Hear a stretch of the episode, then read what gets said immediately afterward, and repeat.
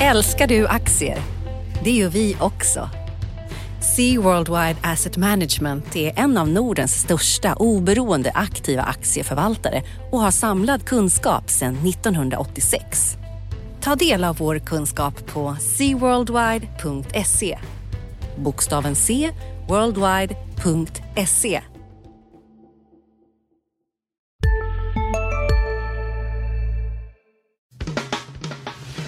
Analyspodden från Dagens Industri. Hej och välkommen till Analyspodden. Det är fredag den 2 november. Johan Wendel heter jag, reporter och analytiker på DI. Med mig har jag Agneta Jönsson, också analytiker på DI. Välkommen. Tackar. När vi gick in här på fredagsförmiddagen så hade vi lite muntra miner på börsen. Börsen var upp med strax över 1 procent här. Och det är ju inte helt fel. Det har varit en bra vecka, eller hur Agneta? Precis. Eh, enligt vår kollega här Mikael Wilén så har det varit bästa veckan i slutet av oktober sedan 2016. Det är upp 5 procent den här veckan. Eh, innan har vi ju haft en väldigt dramatisk oktober så att det känns ganska skönt. Ja, vad säger du om börsläget annars? Det känns som att det, det är liksom vänt, vi har varit nere på botten och vänt efter den här sättningen som vi hade Precis, vi har i alla fall, vi är på väg till en upprekyl. Tittar man på det tekniskt så OMX-index är nu 1550 så borde det upp till 1582 i alla fall i den här första svängen. Sen får vi se vad som händer om vi får makro och annat som kan stötta en vidare uppgång och det händer ju en del saker i omvärlden. Dagens eh, glädje på börserna har ju att göra med att eh, det verkar som om Trump och kinesiska presidenten här eh, håller på att eh, komma överens om eh, vad det gäller handels eh, och tullarna. Eh, och eh, det kan ju i och för sig vara lite utspel inför det här mellanårsvalet i nästa vecka, men vi får glädja oss åt det så länge det varar i alla fall. Ja, jag, tror, jag tror, om jag ska spekulera lite så känns det som att det där är lite överdrivet. Han hade snackat med honom på telefon och haft ett bra samtal, skrev Trump på Twitter då, om eh, kinesiska presidenten Xi Jinping. Jag tror att det kommer bli lite sådär Xi fick vi, eh, därför att det, det känns som att det är kanske lite mycket snack där och inte så mycket verkstad. De har fortfarande fundamentala motsättningar som inte har löst sig. Precis, kan mycket väl vara så, men som sagt, så länge börsen är öppen idag, vilket den är till klockan ett, så borde ju åtminstone det här att hålla i sig. Och vi ser ju också en återhämtning i våra cykliska verkstadsbolag som har fått väldigt mycket stryk. Ja, Eh, spännande. Och vad gäller bolag så är ju eh, medicinteknikbolaget Getinge sticker ju, rekylerar ju uppåt idag också, drygt 4 när vi gick in här i studion. De följer ju på torsdagen efter Bloomberg rapporterade att eh, FDA eh, håller på och utreder vad heter det, en aortapump som ett dotterbolag till Getinge gör. Getinge gick ut sen på kvällen och tonade ner det här och sa att det inte var någon större grej utan det ville få det framstå som ett rutinärende. Getingen behöver inte betala någonting eller återkalla någonting och uppenbarligen verkar det som att aktiemarknaden tar fasta på de här eftersom eh, aktien går upp. Men det har inte riktigt gått upp till vad den var innan det här beskedet. Nej, och de har ju lite andra problem. Redan tidigare, för ett par veckor sedan, gick de ut eh, och där de då hade problem med nätimplantat som man opererar in i ett bolag som de nu har sålt, men där det har visat sig i efterhand att många har drabbats av väldiga komplikationer och man har fått då skadeståndskrav och sånt där på det här. Men även om man har reserverat så vet man inte riktigt hur stort det är och det kommer ligga över Getinge under en lång tid framöver tror jag, tyvärr. Ja, och de har ju haft lite strul här och var länge tyvärr och det finns ju en väldig skepsis mot dem på marknaden. Det är bara att kika blankningen. 6-7 procent av aktierna är kortade. Eh, det har inte ändrats av rapporten eller något annat besked än det kommer nog inte ändras idag av det här när de gick ut igår heller. Utan det finns en väldig skepsis mot eh, Getinge på aktiemarknaden. Precis, och sen är det när vi nu går in i en fas, vilket vi har sett nu att börsen är nervösa, man är rädd att det ska bli lågkonjunktur, man är osäker Eh, då undviker man ju än mer bolag där det kan finnas någon form av underliggande problem. Absolut. Och sen, men sen eh, om vi går vidare så har vi ju, vi har ju vår eminenta kollega Gustav Tapper. Han har ju rapporterat i, i torsdags där att det finns eh, aktörer som har räknat och gjort propåer om eh, ett uppköp av eh, Billerud Korsnäs, eh, förpackningsbolaget. Eh, bland annat ska eh, Stockholmsbörskollegan SCA ha räknat på det här och varit sugna på att göra affären, men där blev det nej från högsta ort, det vill säga Fredrik Lundberg satte ner foten. Eh, och han har ju varit skeptisk mot, när han var med Holmen, hans andra skogsbolag, så var han inte heller så sugen på några stora affärer med Billerud där, pekade Gustav på i artikeln. Billerud gick ju upp ordentligt igår efter Vi hade rapporterat om det här jag vet inte, har du några tankar om det här budspäcken i eh, skogsbolagen? Är det ett tecken på att liksom sista konjunktur och börsfasen är här när alla ska göra köp hit och dit? Precis. Historiskt sett har det ju varit så att man har gjort eh, väldigt eh, dåliga förvärv i slutet av cykeln. Om inte minst de här Stora Enso gjorde ju ett sånt där gigantiskt förvärv av Consolidated Paper som är, liksom, bildar skola hur man inte ska göra när man köper andra bolag. Men det som är lite poängen här med Billerud också är att de gör en stor investering i ett en ny pappersmaskin på något som heter Gruvön och det gör ju också att de har investerat under det här under en lång eh, period. Och det gör ju också att köper man nu Billerud när man då pressas av en del av råvarukostnaden, man har visat ett svagt resultat, man nästan färdig med det här så kommer man in billigare än om man skulle ta och investera i en egen utbyggnad. Så där kan det ju faktiskt finna, finnas logik eh, mm. om man tar och passar på att göra ett förvärv nu. Mm, mm. Och sen man kan ju förstå att andra räknar på Billerud med tanke på att de har en väldigt stark marknad men kursen har gått söderut och de har ju haft massa produktionsproblem bland annat. Men jag tror att, eh, eller jag är nästan säker på att den här kursreaktionen som vi hade på torsdagen, den ganska kraftiga uppåt, den var ju upp över 15 procent tidigt på dagen. Det är nästan hundra på att det är en så kallad short squeeze, det vill säga den är kraftigt blankad. Den här Billerud också, den är en av de mest blankade. De tvingas täcka sina positioner, det trissar upp aktien ytterligare. Precis, och jag menar det är, är du blankad utav fundamentala skäl i ett sådant bolag och det börjar liksom lukta uppköp, jag menar då är det vettigt att stänga för att det är inte kul om det kommer ett bud som ligger 30-40 procent upp. Nej, då kommer någon stackars eh, hedgefondförvaltare att slita sitt hår. Precis. Och det vill vi inte. Men, eh, och sen så, då, då så har vi ju en eh, Loomis-rapport, kontanthanteringsbolaget. De har du kikat på lite. Precis, jag tittade lite närmare på dem i somras och tyckte de var köpvärda då efter att de hade fallit ganska kraftigt under våren. De hade problem i Frankrike då med sin lönsamhet där vilket de nu håller på och åtgärda. Så tittar vi på den rapporten som kom in nu så var det i linje med förväntat.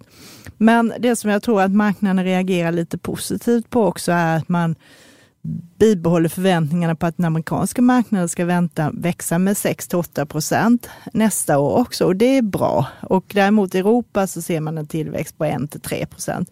Loomis själva vill växa med 8 procent per år inklusive förvärv. Och man jobbar på med det här och det är helt klart realistiskt. Nu var den organiska tillväxten lite i underkant 2 procent, men det varierar lite över kvartalen. Särskilt nu som det här är problemen i Frankrike är på väg att lösa sig så kan det se lite bättre ut där.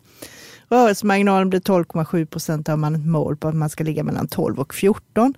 Eh, man har en del som man kallar för save points som är sådana här när man tar hand om kontanter i butiker och det läggs in i små lådor och det hämtas matematik och förbättrar logistiken och sådär som växer ganska kraftigt. Och där kommer man också att utveckla lite mer och investera nu framöver. Eh, riktigt hur mycket vet man inte, men man flaggar lite för att det kan bli en aning marginalpress. Jag tror inte det behöver vara så mycket. För det handlar ju om det här också, att du går genom att utöka de här tekniska grejerna och bli effektivare så kan du öka marginalerna på sikt. För att det är ju en väldigt stor andel personalkostnader. Det är ju att åka runt med bilar och hämta upp prylar är ju en personalintensiv bransch. Ja, det är inte drönare som tar över det än på ett tag. Nej, däremot så jobbar man ju, att man vill ju försöka utvecklas mer åt det digitala hållet och jobba i framkant. Alltså jag tycker det ser fortfarande, den här rapporten bekräftar liksom det som jag tyckte att man ser i bolaget och jag tror att vi, de, sen vi rekommenderade köp då så har de gått upp Eh, 8 procent och index har gått 3. Så jag tror vi får se den här utvecklingen, att de kommer fortsätta utvecklas starkare än marknaden. Särskilt om man nu är intresserad av lite annan typ av bolag än rent cykliska. Men det, det, är ju spännande för det kanske är inget geni för att eh, liksom konstatera att kontanthantering eh, eh, är ju ingen sexy story och här i Sverige så är ju kontanterna nästan borta. Men det räcker ju bara med att man tar sig till till exempel Tyskland. Då blir man ju nästan spottad på om man drar fram ett kort istället för kontanter. Precis, och det är då som de säger, det dröjer ju innan det kommer försvinna runt om i världen. Man brukar ju säga att ungefär växer, kontanterna växer ungefär med BNP. Men sen finns det en massa andra grejer som spelar in, typ som bankerna här hemma är ju inte kontanthantering någon större business längre. Eh, Förut var det ju enormt jobb. De satt på alla bankkontoren och räknade sedelbuntar varje morgon som skulle då skickas iväg till något centralkontor och stoppas in i valven och sådär. Det var ju också på den här tiden som Sverige kallades eh, rånhuvudstaden i världen. Vi hade ju massa väpnade rån Precis. också på den tiden. Eller hur? Och det var ju för att de åkte runt med alla kontanter hit och dit och fanns på kontor. Nu är det inte så längre. Men däremot så är det mycket fortfarande så i USA. Där är kontanthanteringen en stor del, vilket gör också att det finns potential att de outsourcar det här till bolag som Loomis som sköter det helt och hållet. Vi ser ju här på svenska marknaden så sköter ju sådana här typer av bolag, de sköter ju bankomaterna helt och hållet nästan själva nu. Det är ju inte bankerna inblandade längre. Nej, nej. Så att där finns ju potential att göra Ännu utomlands mer. också. Ja. Men du har ju kikat också på eh, Loomis sin avknoppning från Securita, så de kom ju en rapport förra veckan och du har lite tankar kring dem där också. Precis, det är ju ganska skojigt bolag. Eh, det är ju inte heller så här supersexy bransch. Men det man gör där det är att man håller på med en transformation, att man går från mycket manuell hantering, väktare som går runt och kollar, till mer digitala lösningar. Och där har man hållit på med en period nu så att de här digitaliserade säkerhetslösningarna eh, uppgår nu till 20 procent av försäljningen. Så att det är en liten procent varje år går man åt det hållet. Poängen med det är också att de ökar eh, marginalerna. Men grejen med, jag måste bara fråga där mm. om de här digitala säkerhetslösningarna. För grejen var väl i Q3 för Security så var det väl det 20 procent av försäljningen. Precis. Och det var samma sak som i Q2. Ska man läsa in någonting i det? Jag tror inte det, utan du ser det lite på årsbasis. Det är inga stora rörelser. Jag menar om du går från eh, ja. liksom 1 procent om året, så här, det är bra så det är inga stora kliv. Liksom. Så jag tror inte du behöver vara så bekymrad över det.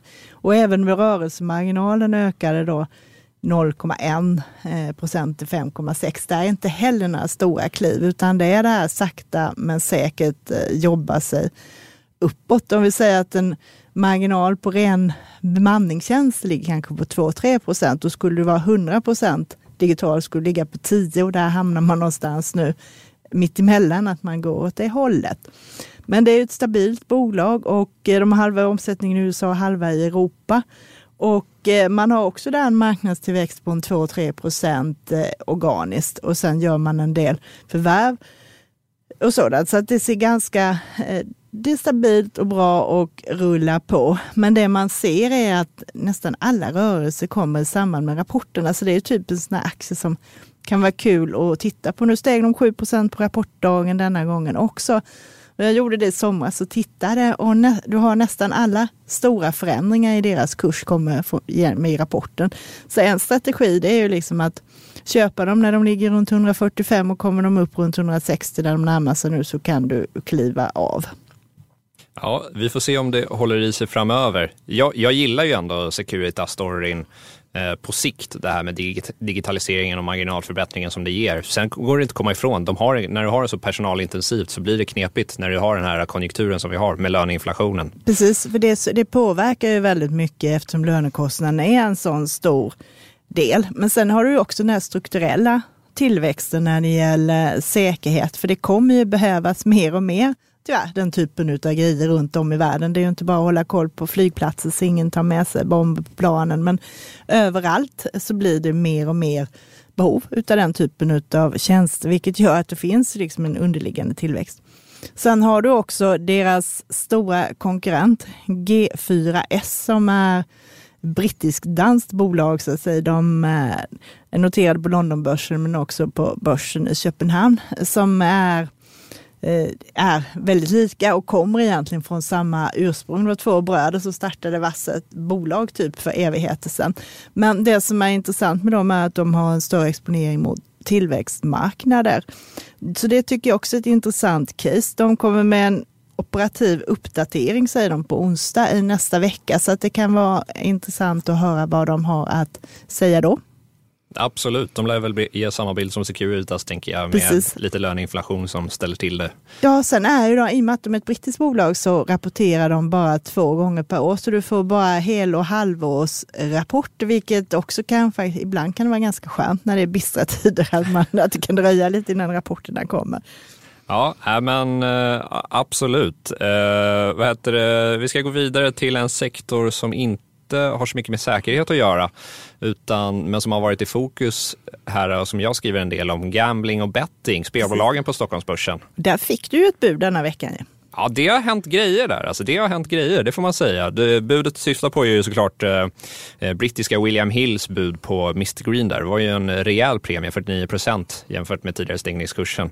Så att, och jag skrev ju, det var ju, mm, jag ska inte slå på min egen trumma för mycket, men eh, man, har, man har ju känt att det är något eh, det här är en sektor som har varit ganska hatad, eh, eller blivit hatad rättare sagt, under, eh, efter våren och under sommaren. Eh, men nu verkar, tycker jag ändå att sentimentet har vänt och jag skrev det innan det här budet kom och när budet kom då, kände, då, då blev det en rekyl uppåt för många aktier. Så det känns ju lite kul.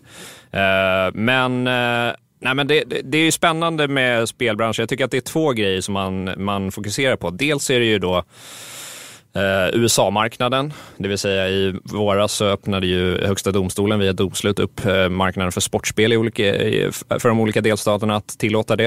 Eh, det är den ena. Sen så har vi också regleringen av Sverige, vilket är eh, en märkeshändelse för de operatörer framför allt som är verksamma eh, Just nu pågår vår stora season sale med fantastiska priser på möbler och inredning. Passa på att fynda till hemmets alla rum, inne som ute, senast den 6 maj.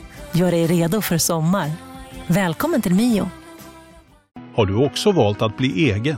Då är det viktigt att skaffa en bra företagsförsäkring. Hos oss är alla småföretag stora och inga frågor för små. Swedeas företagsförsäkring är anpassad för mindre företag och täcker även sånt som din hemförsäkring inte täcker. Gå in på swedea.se företag och jämför själv. Här i Norden då, då. Det innebär att de ska ha licenser och Ja, exakt. Då. Svenska Spel blir av med sitt monopol då officiellt. Det är de ju redan i och för sig, men eh, i praktiken kanske man skulle säga på vissa fronter. Men hur, strunt samma. Det spännande på det här uh, William Hill-budet då, då på Mr Green, de köper ju William, uh, Mr Green för att de vill, dels vill de Eh, Eh, öka sina digitala intäkter. Många av de här eh, äldre brittiska spelbolagen, de, är ju fortfarande, de har ju stora såna här eh, fysiska butiker där man går in och spelar och det känns ju helt stenålder för oss. Men det, det, det är så man har spelat där tidigare. Men eh, de vill dels öka sina digitala intäkter då, men de vill också minska exponeringen eh, på den brittiska marknaden som har haft det lite kärvt. Det var lite tuffare regleringar från UK Gambling Commission som har bland annat som har satt eh, sank i tillväxten där. Så att eh, då vill de eh, få in Mr Green som är växlare på andra marknader. Och det spännande är ju att William Hill då, då han som kommer ansvara för Mr Green är Ulrik Bengtsson som är tidigare Betsson-vd så han har ju god koll på... Den svenska marknaden ja, var det på bolagen där då? Exakt, exakt. Och nu blir det ju då spännande för efter det här budet så Alltså vi såg ju Leo Vegas aktie, den har varit otroligt nedtryckt ner kring 40-45 spänn där. Den vände ju upp och idag när vi gick in i studion här så handlas den kring 54-55 spänn. Så den har ju gått upp ordentligt. De rapporterar ju nästa vecka, det återkommer vi till. Men du har ju också, eh, du såg ju också de mindre bolagen på First North-listan som kanske är mer aptitliga för eh, utländska aktörer att svälja. De stack ju också rejält och ett sånt som jag skrev om var ju Global Gaming som eh, har eh, en hög andel av sina intäkter från Sverige och reglerade marknader och det skulle ju vara attraktivt för en, och de ansökte om licens också i augusti i Sverige. Och det skulle ju då kunna vara ett attraktivt mål för en operatör som vill etablera sig i Sverige och köpa till exempel Global Gaming. Men vi får ju se och det är uppenbart att dels så har ju den här budet liksom triggat en sentimentsvändning som man anade var på G redan med rapporterna från, för Q3, för de var ju bra, mm. de flesta av dem. Men eh, jag tänker i Leo Vegas fall, där, vi får ju se hur bra rapporten är nästa vecka, men eh, det som ligger dem i fatet lite om de skulle vara, eventuellt köpas upp, det är ju att Leo Vegas är stora på den brittiska marknaden och många av de här bolagen som vill köpa dem, eh, eller vill köpa svenska bolag kanske, de är eh, också tungt exponerade mot brittiska marknaden och vill minska den exponeringen. Och det ligger Leo Vegas lite i fatet skulle jag säga. Men det säger inte, det kan även... kan hända. Ä, exakt, allt kan hända. Och Cherry är också ett sånt här ja. som... Är det, med det bara kasinobolagen man är intresserad av att köpa upp eller är det, finns det intresse för de andra? Nej det, skulle jag, nej, det skulle jag inte säga, utan det är across the board. Men sen så en annan eh, händelse var ju att eh, Scout, ett lite mindre First North-bolag, tog i veckan in eh, 42 miljoner kronor i eh, en ny emission. Och eh, det är ju spännande för de ska ju satsa då på USA-marknaden. De är en så kallad Daily Fantasy Sport-leverantör, eh, det vill säga de gör ungefär liknande spel som Drömelvan om någon kommer ihåg det. Och eh, deras edge är ju att sådana här Daily Fantasy Sports det är ju redan tillåtet i de flesta amerikanska delstater, för det är ett skill game klassas, klassas det som. Så att flera amerikanska delstater håller ju på att öppna upp för sportspel efter det här domslutet som jag pratade om. Och då är liksom fantasy sport är stort i USA. Så då kan det vara värdefullt för de operatörer som vill satsa på sportspel senare att ha en fantasy sport lösning på plats, därför då kan du bygga en kunddatabas och sen korsförsälja. För då är du redan inne på den marknaden där exakt, det redan är tillåtet. Exakt, och det, det som jag pratade med Scouts vd, han pekar ju på Kambi som har gått jättebra. Och de har ju ett avtal med Draftkings som sysslar med fantasy sport i USA. Och de har integrerat då Kambi sportbok och det verkar ju gå väldigt bra om i New Jersey där de är live. Så att, ja, men det är mycket spännande. Och den här sektorn blir ju som alltid spännande att följa framöver. Här. Vi har lite rapporter nästa vecka. Jag tänkte vi skulle prata lite bank också, Precis. för det händer ju lite där idag. Förra veckan var vi helt upptagna med storbankerna, men det kommer ju in andra grejer också. Eh, idag fick vi ju se ett insiderköp i Collector. Det var ju då vice ordförande Erik Selin eh, som köpte för en ganska stor peng, 26 miljoner. Han ja, 29,6 29,6 till och med. Och både han och eh, styrelseordförande Lena Aple har ju köpt hela tiden och visar ju verkligen att de tror på bolaget. Lena Aple har ju varit, inte köpt så stora belopp varje gång, men de har köpt väldigt många sen sommaren här på 2-3 miljoner under resans gång här. Så att det visar ju, det är ju en ordentlig pilotskola här. Ja, och du hade ju, jag måste bara flika in, för du hade ju noterat att hon köper ju alltid dippen tydligen. Precis, och hon är ganska duktig att göra på det faktiskt och köpa när de åker ner här. Så att eh, det är all heder för den ja, saken. Men det, det, är spännande de här som köper dippen. Investors vd Johan Forsell är också en sån som köper dippen ofta när det dippar i portföljbolagen eller Investor. Det är kul Precis. när man hittar dem där. Då. Jo, eh, och Eh, ja, men det tycker jag är bra. Sen har ju Collector haft det motigt med sina vd. Vi har ju skrivit mycket idéer om det här med den nya vdn Martin Osman som hade problem hos sin tidigare arbetsgivare Handelsbanken, vilket har satt press på dem. Men den här rapporten som kom eh, den 25, samma dag som SCB, de försvann liksom i den här rapportsörjan. Eh, den var faktiskt, eh, den var bra, eller i linje med hur man brukar vara från deras sida. De har ju en väldigt stor tillväxt eh, vad det gäller krediter. Eh, kreditportföljen har vuxit med 26 procent eh, på årsbasis till 23,1 miljarder. Eh, man kom in med ett bra resultat, vinst för skatt på 195 miljoner och intäkter på 563. När relationen mellan kostnader och intäkter som man tittar mycket på på bankerna ligger på 43 eh, och det är ju betyder storbankerna ligger ju, bara Swedbank är lägre, annars ligger de andra eh, runt 50 och eh, Collector är ju en väldigt digital bank och positionerar sig som det så de ska ju kunna komma ner en bit under 40 vilket de också jobbar på. Alltså där finns ju en del hävstång om man lyckas med den biten. Sen nyligen, häromdagen, så talar man också om att man köper en portfölj med förvallna privatlån från Forex. Man talar inte om beloppet, men det handlar om 6 600 krediter. Man gjorde tidigare år ett annat sånt här, då köpte man en portfölj på en halv miljard. Eh, och det man gör där det är att man har ett eget inkassobolag som heter Kolligent som då håller på att driva in fordringar på sina egna kunder. Men då kan de använda det till att då köpa sådana här portföljer och öka sin avkastning för att de har ganska bra koll på människors betalningsbeteende och sånt vilket gör att de kan köpa sådana här portföljer till bra kalkyler så att säga. Eh, det är lite högre risk i den verksamheten men å andra sidan har vi ju sett att man får bra betalt för det om man kommer rätt här.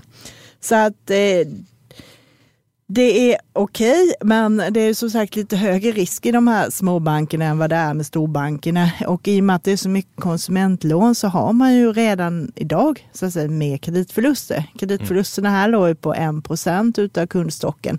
Tittar du på storbankerna så pratar vi promille. Eh, så att där vet vi ju inte riktigt för de har ju inte inte varit med riktigt i en sån här riktigt tråkig nedgång. Förra svängen gick ju väldigt snabbt men får man lite mer utdragen lågkonjunktur och folk blir av med jobbet och det är tuffare tider så vet vi inte riktigt hur det funkar. Jag tror där ligger det liksom en liten våt filt, att man är lite osäker över de här bolagen.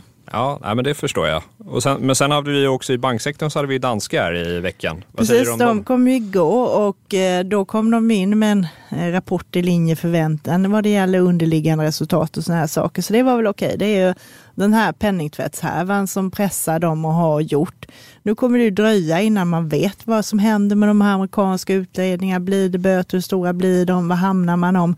Att det blir myndighetsböter från danska finansinspektionen och sånt, det är ju ganska solklart. Men då handlar det inte om några större belopp än att man kan klara av det så att säga. Mm. Det man har gjort nu är att man, har, man höll på med ett återköpsprogram och skulle köpa tillbaka för aktier för 10 miljarder under 2018 och det stoppade man när man kom halvvägs.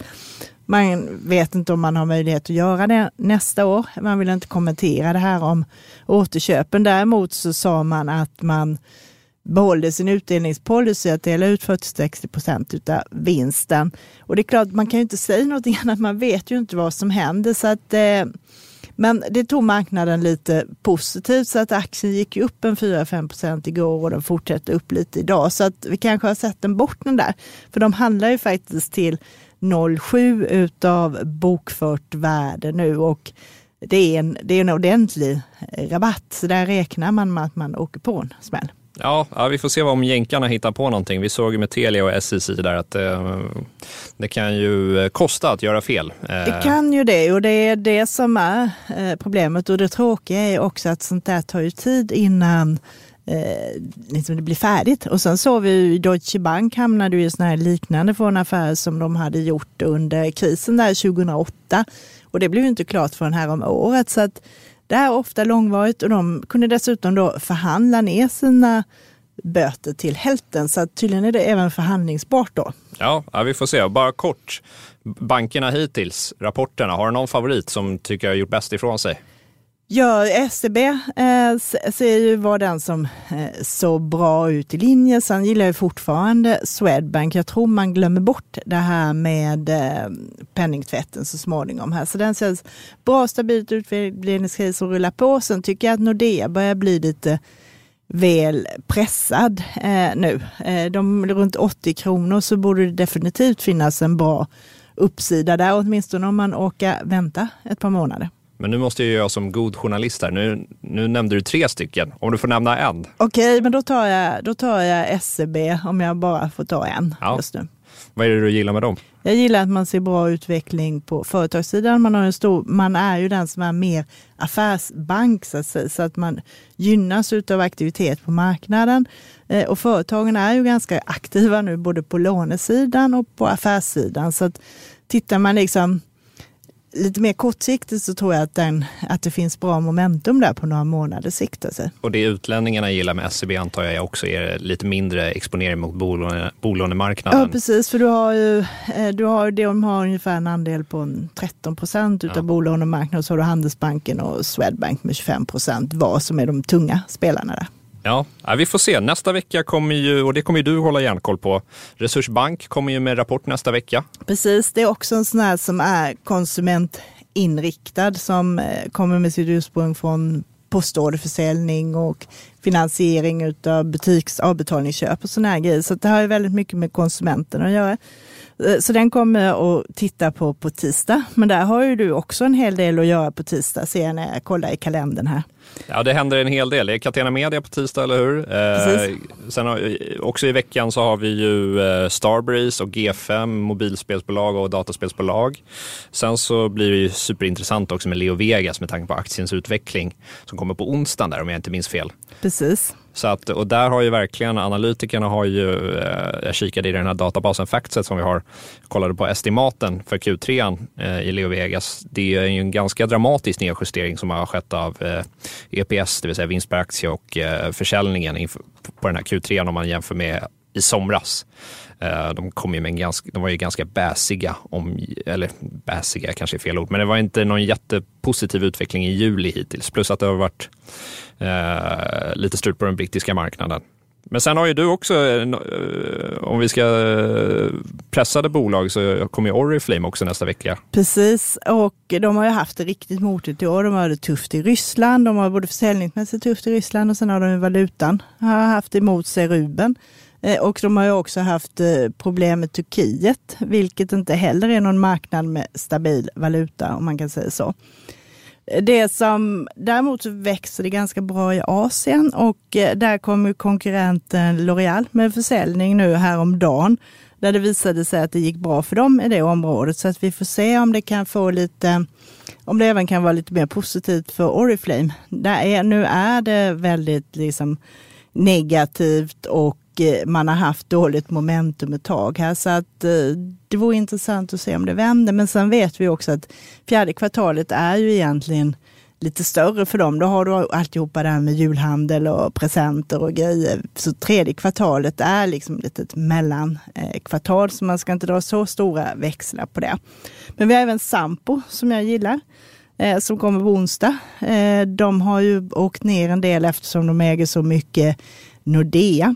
Men det är ju också en intressant del med sakförsäkringsrörelsen. De äger ju svenska bolaget If, men man äger ju också nästan halva danska sakförsäkringsbolaget Top Danmark. Så att Sampo är ju typiskt ett sånt där utdelningscase också med en direktavkastning runt en 7% och en stabil aktie när du, där du ser, kan se en del uppsida nu. Så det känns som en sån här riktigt bra defensiv aktie. Obligationsliknande ja, nästan tillgång. Precis, så att eh, den kan man gott eh, ha med i sin långsiktiga portfölj. Sen kan man ju säga att Ericsson har kapitalmarknadsdag i New York nästa torsdag. Så att eh, där kan man ju se om man lyckas skärma marknaden eh, ytterligare lite för att peta upp dem en bit. Ja, de ju, har ju gått riktigt starkt. Vi är väl uppe på nu 84-85 kronor här. Precis. Så att, eh, ja. men eh, då vad heter, eh, får vi tacka för att ni har lyssnat på den här analyspodden den här fredagen, som vi spelar in den här fredagen. Och så får vi önska en trevlig helg, eller hur Agneta? Det gör vi. Ha det så mysigt här nu gärna helgona helgen så hörs vi av i nästa vecka. Och innan dess kan ni ju lyssna på några av våra systerpoddar också. Vi har Makrorådet för den som är intresserad av de grejerna. Och vi har ju också Digitalpodden eh, som våra kollegor på, på det digital eh, har. Så, och vi har också en privatekonomisk eh, podd Smarta pengar där man kan lyssna lite om fonder och allmänna privatekonomiska tips och så. Ja, glöm inte bort att lyssna på dem och tack för att ni lyssnar på oss. Då önskar vi trevlig helg. Ha det bra. Hej då. Analyspodden från Dagens Industri. Programmet redigerades av Umami Produktion. Ansvarig utgivare Peter Fellman.